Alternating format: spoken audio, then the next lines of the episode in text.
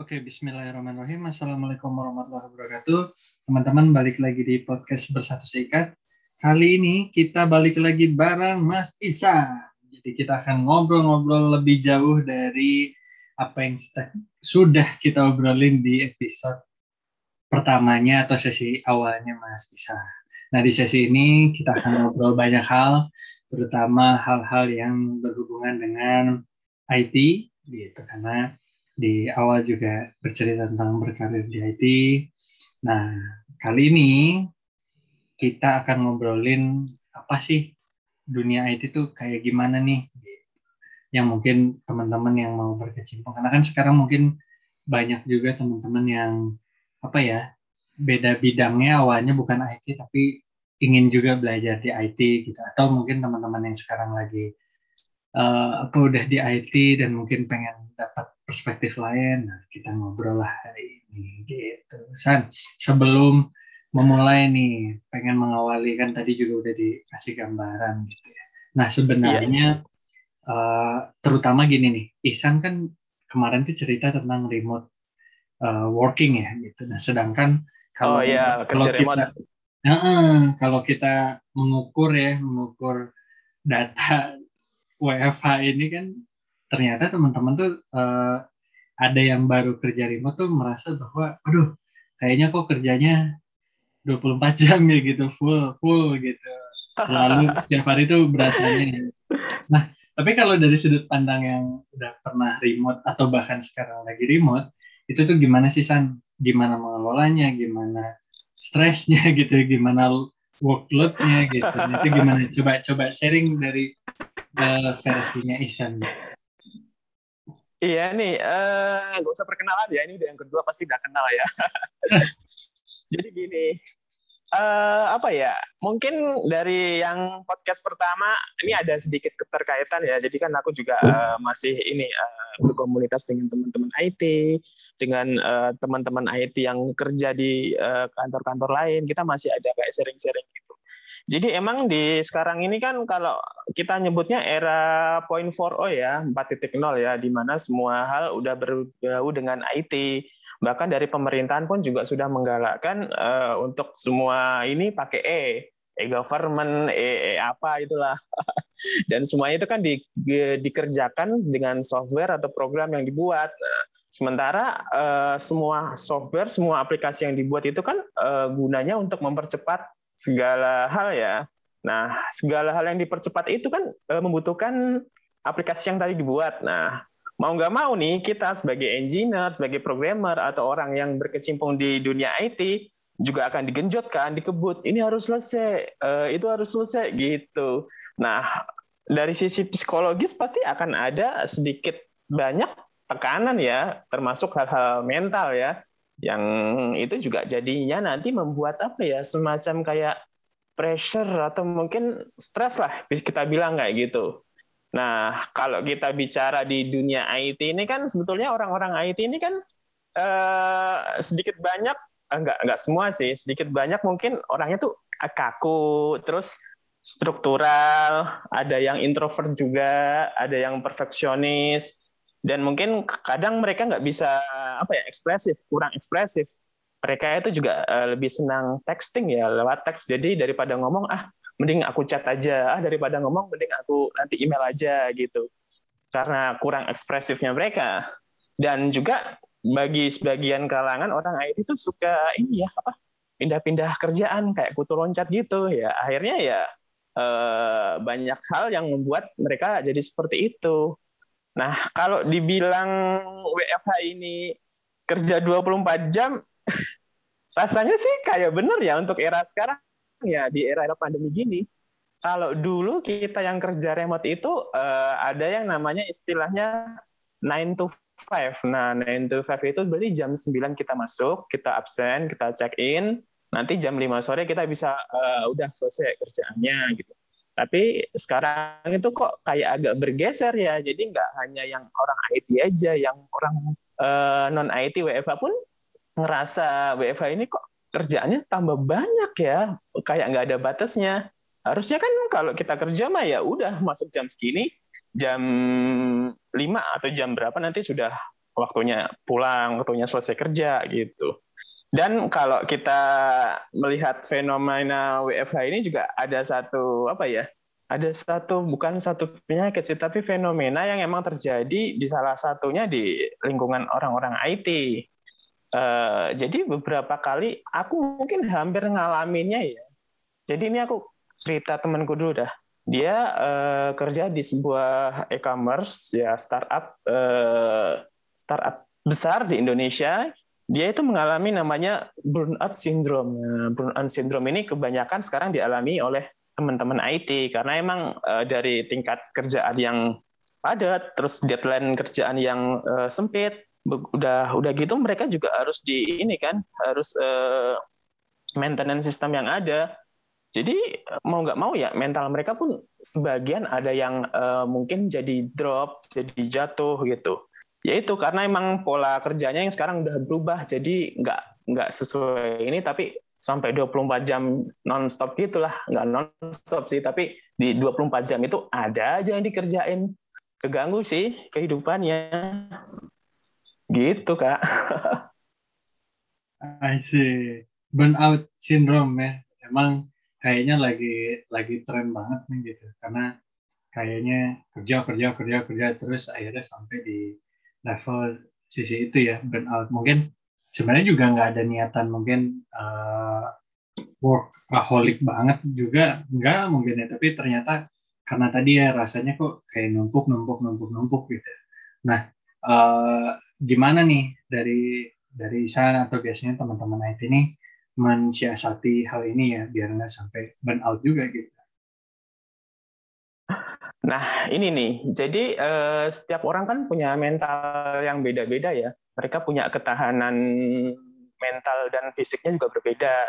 Dari beberapa teman atau mungkin aku sendiri eh, waktu mengalami tekanan kerjaan atau mungkin stres, banyak hal-hal yang bisa kita lakukan untuk pelarian. Ya, contohnya kita main game bareng, terus kita ngopi-ngopi, nongkrong-nongkrong, belanja, makan-makan, sampai begadang lagi. Padahal kerjanya udah begadang, tapi mensiasati mensiasatinya untuk menghilangkan stres tadi malah begadang. Itu kan uh, bukan sebuah solusi ya. Nah, tadi yang pernah aku lakukan itu sebetulnya hanya uh, mengurangi, jadi mengurangi apa yang kita rasakan terhadap stres itu. Tapi ujung-ujungnya hal-hal tadi itu adalah sebuah pemborosan dan uh, cuma solusi sesaat aja sih. Nah, aku di era pandemi gini eh, hampir merasakan hal yang sama, stres dan eh, jenuh terhadap kerjaan. Aku punya satu, bukan punya satu sih, tapi ada beberapa sih. Jadi aku sekarang ini eh, will new habit lah. Aku sedang eh, membangun eh, kebiasaan baru yang tentunya positif. Eh, ada dua sih. Eh, yang pertama aku eh, apa ya olahraga lah, olahraga ringan, yoga seperti itu untuk relaksasi dan yang kedua ini yang lagi aku suka sekarang. Aku lagi baca-baca buku nih. Jadi uh, mindset orang IT itu kan kalau baca itu kan mungkin apa ya uh, dokumen atau mungkin baca untuk eh, program-program seperti itu. Tapi ternyata setelah aku mencoba membaca buku, beberapa judul buku, oh membaca buku asik juga ya. Kita bisa apa ya lebih rileks, lebih sabar dan dapat satu sudut pandang baru gitu loh. Sebelum aku baca buku dulu, aku nganggapnya orang baca buku, ih apaan sih baca buku, kutu buku gitu kan. Tapi ternyata enggak, setelah kita nyoba bela, apa membaca buku, akhirnya oh begini tuh, baca buku tuh ini.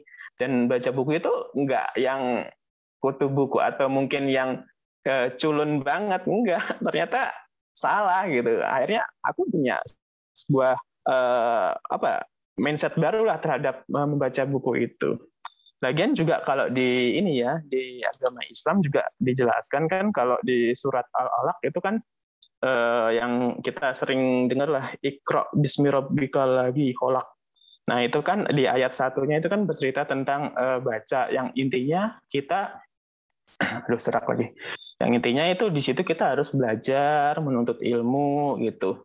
Jadi dengan membaca itu ya salah satunya kita juga belajar, salah satunya kita juga menuntut ilmu. Dan dengan membaca itu ya banyak hal yang bisa kita dapatkan seperti yang tadi aku bilang lebih tenang, lebih sabar, bisa menjaga ritme, ritme kerjaan, terus dapat sudut pandang baru, uh, sudut pandang baru tentang uh, apa sih uh, yang kita kerjakan, apa sih yang kita lakukan di kehidupan nyata kita. Jadi nggak melulu online, kerja 24 jam, atau mungkin kerja yang uh, lembur, nggak seperti itu. Dan yang lumayan ini ya menumbuhkan motivasi sih menurutku. Jadi ada buku yang emang menurutku, oh aku harus bisa lebih gini nih. Kalau sekarang aku udah sampai posisi ini, harusnya aku sekarang berproses untuk eh, apa ke tahapan selanjutnya. Jadi ya baca buku sih menurutku ya asik gitu aja. I see. Nah, berarti baca buku-buku apa nih sekarang, San? Biar ini, apa namanya, biar tadi rilis stresnya gitu. Nah, aku ini pada awalnya ini juga agak sedikit apa ya nggak sengaja sih.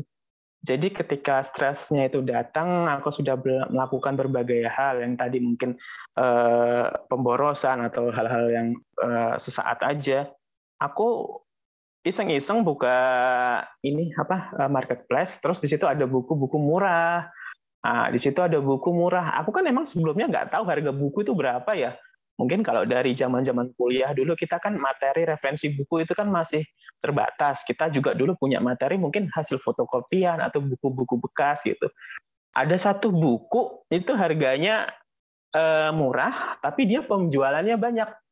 Aku lihat deh review-reviewnya, oh bagus nih untuk eh, healing, untuk eh, kesehatan mental. Nah, nah aku buku lah, uh, aku belilah buku itu.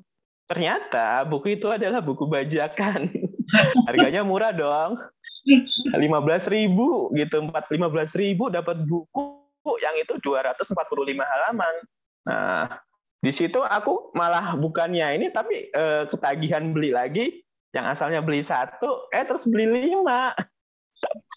Aku baca-baca di situ oh menarik ya baca buku ya. Nah dari situlah harga murah. Tapi ya harga murah ya aku mendapatkan kualitas yang seadanya di situlah mulai rusak tuh terus mulai apa eh, di balik halamannya gampang sobek. Aku berpikir nih kalau aku baca dapat ilmu aku rasanya bersalah banget ya membeli yang bajakan akhirnya aku beli yang asli semua yang tadi aku dapetin. Hmm. buat me, ini apa buat menebus rasa bersalahku dan kalau ditanya tadi bukunya apa, ada empat buku sih yang baru aku selesaiin. Jadi ini terga apa ya terkait sama ya inilah uh, kesehatan mental sih. Jadi entar nih bukunya aku lihat. Oh nih ya. Jadi aku ada buku waktu itu bacanya Seni Hidup Minimalis. Nah itu buku itu aku baca dan isinya itu ya gimana kita berpikir uh, lebih sehat dengan uh, punya barang yang sedikit. Gitu. Kalau kita punya barang banyak itu ya akan apa? Akan banyak hal yang kita pikirkan, akan banyak hal yang terkuras hanya untuk mengelola barang-barang yang banyak itu. Terus ada lagi bukunya baca buku ini saat engkau ingin berubah. Nah, dari buku dari buku itu aku dapat uh, sebuah apa ya uh, ya, bukan inspirasi tapi dapat sebuah hikmah. Jadi emang uh, kita ini hidup nggak mungkin lah nggak nemu sebuah masalah, nggak nemu sebuah uh, kesulitan. Jadi ya udah terima aja kalau kita emang dapat sebuah kesulitan ya hadapin. Kita jangan yang denial gitu. Ya dengan kita terima, kita ikhlas, kita justru akan berfokus pada solusi, bukan berfokus pada masalah. Terus ada lagi buku namanya sebuah seni untuk bersikap bodoh amat. Nah ini ini relate banget sama kerjaanku ya. Jadi kita aku kan kerjanya kan di uh, sebuah salah salah satu startup yang ada di ini Singapura di Malaysia. Kita kan berbaur dengan orang-orang ya nggak hanya Indonesia aja, ada yang Malaysia, Singapura, terus uh, ada programmer yang dari China, juga ada yang dari India seperti itu kan. Kita kan pasti akan mengalami namanya apa ya beda budaya, terus kayak eh, beda cara bicara, ada culture shocknya juga, dan beban kerjanya beda. ya itu sih buat mengobati itu aja sih. Karena emang kita dari ranah yang berbeda, jadi banyak uh, gesekan-gesekan yang mungkin aja bisa terjadi. Ya kayak dulu kita lagi meeting di kantor pusat di Singapura. Oke, waktu meeting kita pakai bahasa Inggris nih. Tapi sesi meeting selesai, mereka ngomong pakai bahasa Mandarin mereka. Kita kan ngapain ya? Mereka pada ngomong. Untungnya aku bertiga dari Indonesia bisa bahasa Jawa semua di situ aku pakai bahasa Jawa dan mereka gantian yang melongo. Mungkin dalam maksud mereka ini orang bertiga Indonesia ngomong apa ya? Bahasa Indonesia kan nggak kayak gini dalam pikiran mereka gitu. Ya udahlah di situ enjoy aja. Jadi ya apa ya? Buku yang tadi itu ya untuk mengobati ini aja sih eh, rasa-rasa uh, yang gesekan kalau kita di kantor aja. Terus buku yang terakhir ini yang keempat ya, yang keempat ini judulnya berdamai dengan masa lalu. Jadi uh, kita kan namanya hidup pasti kan ada apa ya hal-hal yang udah terlampaui, udah kita lewati. Kadang hal-hal seperti itu kan jadi kayak apa ya menyimpan luka, menyimpan dendam atau menyimpan kebencian. Nah, itu sebetulnya hanya untuk mengobati diri kita sih. Jadi agar uh, yang udah itu ya berarti udah Eh, dan nggak perlu diingat-ingat lagi gitu. Kalaupun ingat, kita tahu oh bahwa itu ya dulu yang udah terjadi dan itu nggak akan mungkin uh, menyakiti kita kalau kita nggak mengingat-ingatnya lagi. Nah, di buku keempat ini akhirnya aku beli buku lagi 10. Tapi tenang aja, ini bukunya asli semua dan belum aku baca.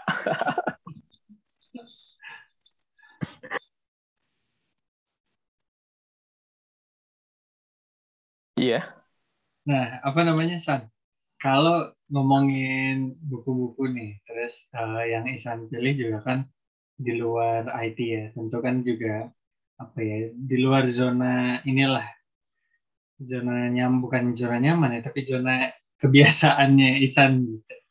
Nah, kalau iya. kalau melihat si buku-buku yang Isan udah baca tadi, Isan mention di lima buku awal itu gitu ya, apa sih yang paling uh, Isan rasain gitu terutama kaitannya sama pekerjaan Isan ya gitu apa yang bisa jadi pengalamannya atau ilmunya yang bikin Isan oh, oke okay nih kalau di dunia kerja saya akan begini begini begini nih gitu dengan hasil membaca buku-buku tersebut ya gitu. Nah iya jadi uh, kalau anak IT kan mungkin kalau baca buku IT kayaknya nggak up to date ya. Uh, eh, IT itu kan uh, berkembang terus ya. Dari satu bahasa pemrograman ke bahasa pemrograman lain aja sudah beda. Bahkan di satu bahasa pemrograman aja nanti di tahun ke depannya udah beda dan dokumentasinya, bacaannya, referensinya juga akan berbeda dong. Kalau aku cuma hanya baca buku-buku yang berkaitan dengan IT, oke lah aku baca sekarang. Setahun ini aku baru menguasai, itu udah baru lagi dan nggak akan kepake gitu. Jadi ya aku udahlah aku pilih baca buku yang di luar IT aja. Toh eh, ilmu nggak hanya cuma IT aja. Tapi ternyata ini juga menunjang dari kerjaanku yang di IT. Apa sih yang aku dapat dari aku membaca buku-buku ini? Eh, pertama ya kita akan lebih sehat secara mental ya. Secara mental ini kan artinya Eh, kita lebih bisa mengendalikan diri, bisa mengendalikan pikiran kita. Kita juga nggak gampang apa ya, nggak gampang emosi, nggak gampang uh, marah-marah dan kita juga lebih sehat. Nah, selain itu juga ternyata kesehatan mental itu ya berpengaruh ke, sehat, ke kesehatan fisik gitu kan. Kalau kita mentalnya kuat ya fisiknya akan ikut kuat juga. Yang ujung-ujungnya eh, karena sudah mulai apa ya menerapkan pola hidup sehat ini ya akhirnya badannya juga gemuk. Sekarang aku naik badan berat badannya 4 kilo ini. Terus ada satu hal lagi yang uh, menurutku emang ini ini akan membuat kita sehat secara finansial. ini penting nih. Kenapa? Karena dengan tadi saya baca buku kayak gitu, akhirnya hal-hal yang pelarian tadi nggak aku lakukan. Jadi waktunya yang biasanya buat Eh, belanja-belanja nggak jelas, makan, gadang ataupun nongkrong sama teman-teman itu akhirnya uh, digunakan untuk membaca. Yang efeknya aku nggak ngeluarin duit lagi dong buat hal-hal yang tadi. Jadi ya baca buku itu ya sehat buat mental, sehat untuk fisik, ya sehat untuk finansial juga. Itu sih. Nah, kalau kita ngomongin kan ini antusiasme Isan baca buku ini menarik banget nih sekarang. Kalau dibanding dulu, apa yang istilahnya mungkin bukan membatasi, tapi eh, yang bikin Isan, nah sekarang tuh rasanya berbeda nih dari baca buku zaman dulu nih. Apa tuh San? Hmm, mungkin kelihatannya di beberapa hal itu kelihatan beda ya. Kalau dulu aku masih suka yang begadang-begadang itu, kalau sekarang aku lebih teratur lah. Uh, sekarang aku mulai menerapkan pola uh, maksimal. Aku uh, malam itu tidur tuh jam 10 tapi biasanya aku sudah mengusahakan jam 9 untuk matikan laptop matikan lampu uh, meredupkan lampu lah. Terus udah apa ya udah sholat juga. Terus kita udah mulai ya persiapan untuk tidur lah Nah, efeknya aku bangun pagi itu lebih lebih seger ya. Jadi bangun pas jam-jam uh, subuh juga. Nah, itu juga setelah ya, subuh itu ya jadi nggak tidur pagi gitu. Kalau dulu ada begadang-begadang, uh, habis subuh tidur lagi. Nah, itu kan nggak sehat sebetulnya. Sekarang dengan kayak gitu ya aku ngerasanya hmm, di badan enteng dan lebih semangat aja sih. Ada spiritnya. Jadi kalau pagi mau ngerjain sesuatu tuh moodnya sudah baik. Nggak, nggak keinget-inget yang semalam yang ah programnya belum selesai, ah masih ngurus nyuruh programmer, ah masih ngurus yang trouble Enggak sih, sekarang lebih sehat aja. I see. Nah itu gimana tuh San cara mengatur uh, jam kerja tadi ya kalau kita balik lagi ke yang awal itu kan berasanya full tadi nih. Nah tapi dengan Isan bilang jam 10 aja udah bisa tidur kan menarik nih. Berarti kan Isan sudah memanage pagi sampai jam tertentu Isan sudah menyelesaikan pekerjaannya nih. Ada tips nah, iya. cara membaginya? Aku dapat itu dari salah satu buku yang aku baca keempatnya, tapi aku lupa di buku yang mana gitu. Mungkin uh, buku yang ini kali ya, sebuah seni untuk bersikap bodoh amat. Jadi kalau dulu atau mungkin sebagian dari kita kalau mau mengelak dari sebuah kerjaan itu kan nggak enakan, apalagi mungkin orang Jawa ya atau orang Indonesia kan ada rasa nggak enakannya. Uh, aku dari baca buku itu tuh uh, bersikap bodoh amat tuh bukan artinya kita abai atau kita lalai gitu. Uh, tapi kita bersikap bodoh amat itu ya untuk uh, ini uh, memberikan kesempatan bagi tubuh kita istirahat, memberikan kesempatan pikiran kita untuk relaksasi.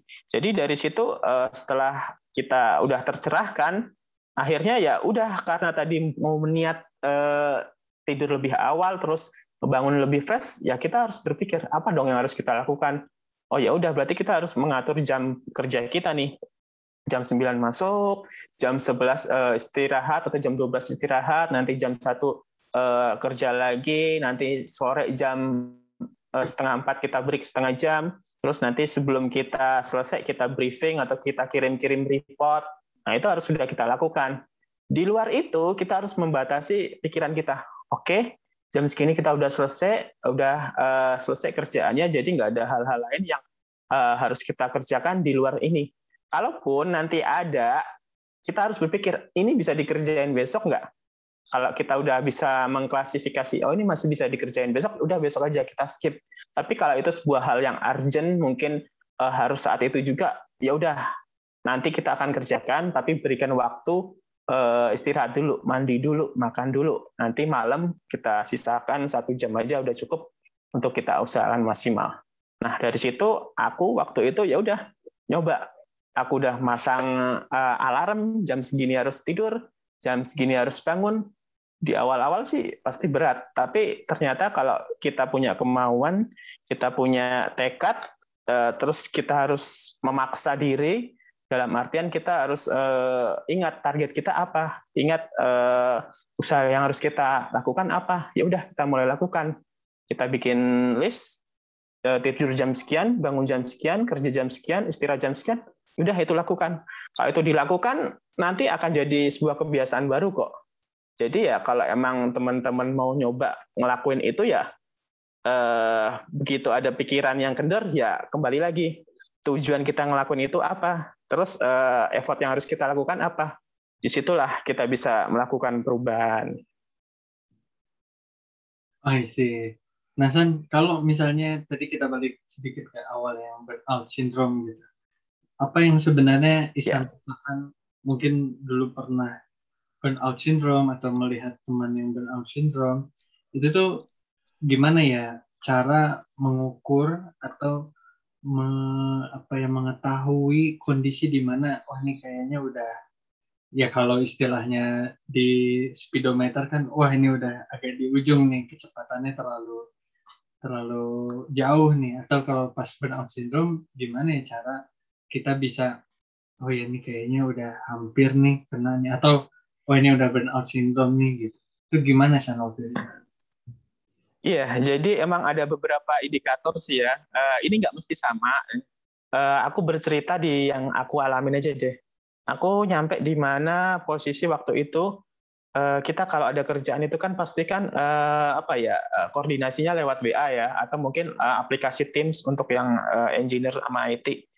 Aku sampai di posisi di mana waktu itu dengar notifikasi dari WA itu kok males buka aku ngelihat notifikasi suara uh, eh, WA itu kok ngapain sih? Aku jadi takut bukan takut sih. Aku males aja membuka ah ini pasti kerjaan ini pasti error ah ini pasti harus minta dibenerin gitu. Jadi kayak aku denial di situ. Nah di situlah aku ingat ada temanku yang mengalami kayak gitu. Aku coba cari-cari referensi aku baca apa itu burnout syndrome terus gejala-gejalanya apa. Waktu itu ya ada apa ya kita uh, aku ngerasain ada bosen jenuh dengan kerjaan. Aku mengalami uh, kok nggak ada kemajuan ya? Effort yang udah aku lakukan banyak tapi kok kemajuan di kerjaanku cuma gini-gini aja. Terus aku mulai ngerasakan apa ya uh, emosi yang nggak stabil terus banyak pikiran terus metabolisme tubuh juga nggak baik. Waktu itu kok badan gampang panas ya gampang anget ya. Terus uh, energinya nggak banyak gampang lelah kurang energi, terus uh, apa ya? Ada situasi di mana aku tuh pengen mengasingkan diri. Nah, di situ aku mikir ini tuh nggak aku, ini bukan aku gitu. Nah, dari situlah aku harus nyari sesuatu gitu loh. Karena kalau aku di posisi kayak gitu terus ya aku akan terjebak gitu. Dan uh, banyak teman-teman yang mengalami burnout syndrome itu nggak sadar akan hal yang sudah menimpa dirinya mereka denial ah aku nggak gini aku nggak gitu gitu. Mereka tuh nolak bahwa mereka tuh mengalami itu mengalami apa ya depresi atau mungkin stres dalam hal kerjaan. Uh, dan aku beberapa teman aku saranin untuk baca buku sih. Jadi ya karena aku ngalamin ya temen ada yang kayak gitu coba aku suruhlah baca buku gitu. Tapi uh, tiap orang jalannya beda-beda. Kalau emang udah sampai uh, posisi yang apa ya kalau tadi pelarian kan hanya untuk uh, meringankan ya, tapi kalau udah posisinya meringankan itu nggak bisa ngurangin, ya aku pasti akan menyarankan udahlah datang ke profesional karena uh, ada yang lebih expert untuk menangani uh, kondisi kayak gini. Ini wajar bisa dialami semua orang dan ini bukan uh, di kita kita aja gitu. Di luar IT pun banyak yang mengalami uh, depresi ataupun stres gitu. Kalau kita datang ke profesional, ya di sana diobatin itu sih yang aku rasain kalau uh, Blue on syndrome. Tapi orang-orang ya pasti beda lah. I see. San, udah di penghujung nih. Tidak terasa. Waduh, nggak kerasa ya. Oke, oke, oke. Apalagi akan memasuki jam-jam tidurnya Isan. Waduh. Waduh, ketahuan dong kita recordnya jam berapa ini. Apa namanya uh, yang sekarang Isan lakukan gitu ya untuk ke depannya nih uh, gimana nih terutama juga kan Isan kemarin di apa ya di sesi pertama itu Isan cerita tentang uh, membangun komunitas gitu. Terus juga mungkin tadi yeah. cerita ke teman-teman bahwa ayo dong baca eh, baca buku aja baca buku aja untuk uh, apa yang menetralisir lah gitu. Tapi mungkin jalannya juga beda-beda. Tapi kan ada isan yang upayakan gitu bahwa ini baca buku ini manfaatnya gini. gini, Nah tapi kalau dari segi komunitas atau pertemanan dekat itu uh, sebagai support system apa sih yang sebenarnya uh, Isan coba bangun gitu dan juga plannya seperti apa gitu ke depan dari kasus ini ya si burnout syndrome kan nggak harus juga bikin apa namanya event kampanye juga kan gitu tapi lebih kayak apa sih yang akan bisa lakukan gitu dengan kaitannya burnout ada komunitas juga ada teman-teman Isan ada support system Isan gitu dan lain-lain Iya, iya. Jadi uh, kebetulan yang mengalami ini juga uh, masih satu komunitas, masih satu komunitas IT di Kudus juga gitu. Uh, karena emang masih pandemi, kita emang nggak nggak nggak yang ngumpul-ngumpul kayak dulu gitu kan. Uh, sebetulnya ada hal yang emang untuk kalangan orang-orang IT kalau dilakuin tuh bikin sehat sih ya kayak sekedar ngobrol ngopi di satu minggu terakhir itu udah cukup gitu jadi kalau sekarang burnout syndrome ini ya salah satu pemicunya ya karena mungkin nggak bisa ketemu ya, jadi nggak ada yang bisa diomongin secara langsung. Itu kan kayaknya nggak lega. Nah, aku yang aku saranin sih apa ya di temanku yang aku sebut X X ini aja ya, Mas X ini ya. Uh, kemarin selain aku suruh baca-baca buku ya, aku suruh ini sih, aku suruh nikah. tapi aku sendiri belum nikah. ini kan kapan nih? Oke, tunggu aja. ya, apa ya? Ini sih. Uh, kalau ada pepatah Jawa atau apa ya aku lupa ya. Uh, busuk ketekuk, pinter keblinger. Intinya sih gini. Uh, artinya adalah rajin nabung pangkal kaya. Bukan, bukan. Artinya ini, orang pintar atau yang nggak pintar pun pasti akan mengalami sebuah kesulitan. Nah, sekarang kita harus kembali lagi ke diri kita. Bagaimana kita mengupayakan eh, kesulitan itu agar selesai? Yaitu kita jangan berfokus pada masalah, tapi berfokuslah pada solusi. Jadi kalau orang-orang yang kena burnout syndrome itu mereka nggak tahu harus nyari solusi di mana. Putra, uh, pikiran mereka ya hanya berputar di masalah itu aja dipikirin terus tanpa cari solusinya. Akhirnya ya uh, terjebak di situ. Ya apa ya di komunitasku itu sih alhamdulillah nggak banyak baru satu orang aja itu ya udah uh, terakhir ya emang aku support dia aku bilang uh, cari hal yang positif kamu bangun sebuah uh, habit baru kebiasaan baru yang baik buat kesehatan. Kalau enggak ya sudah datangi profesional. Uh, kamu bisa berobat di sana dan uh, berobat di profesional itu bukan hal aib loh. Dan itu justru yang terbaik. Itu sih saranku. Jangan inilah ya jangan overthinking lah ya. Nah jangan overthinking juga tuh ya, jadi ada terapi menulis untuk sobat overthinking ya di episode sebelum sebelumnya aduh aduh aduh ya ya betul betul betul betul lah lihat lah Ya, thank you banget ya. Uh, nanti Wah seru banget. Nanti banyak banyak cerita-cerita baru karena kan nih pandang baru juga bahwa uh, bagaimana merilis stres. Kadang hal yang kelihatannya sepele gitu uh, ternyata malah bisa jadi sesuatu yang menyegarkan ya, membuat uh, suasana suasana baru gitu dari kebiasaan yang kita mungkin itu tadi ya jadinya uh, depres, jadinya burnout gitu. Nah kurang lebih Iya, iya bisa jelasin ada kondisi-kondisinya, kemudian juga teman-teman bisa ya nggak harus baca buku ya San ya, mungkin juga ada ada bentuk-bentuk lain yang bisa membuat ya kayak tadi Isan bilang terakhir itu ada habit baru Betul. yang menyehatkan lah ya secara jiwa, secara fisik tuh dua-duanya nyaman. Iya, betul betul betul. Dan thank you banget ya. Uh, Siap, makasih. Berjumpa di sesi-sesi berikutnya. Thank you San. Assalamualaikum. Oke, sama-sama Kak Puji. Waalaikumsalam warahmatullahi wabarakatuh. Sama-sama, sehat-sehat semua. Dadah.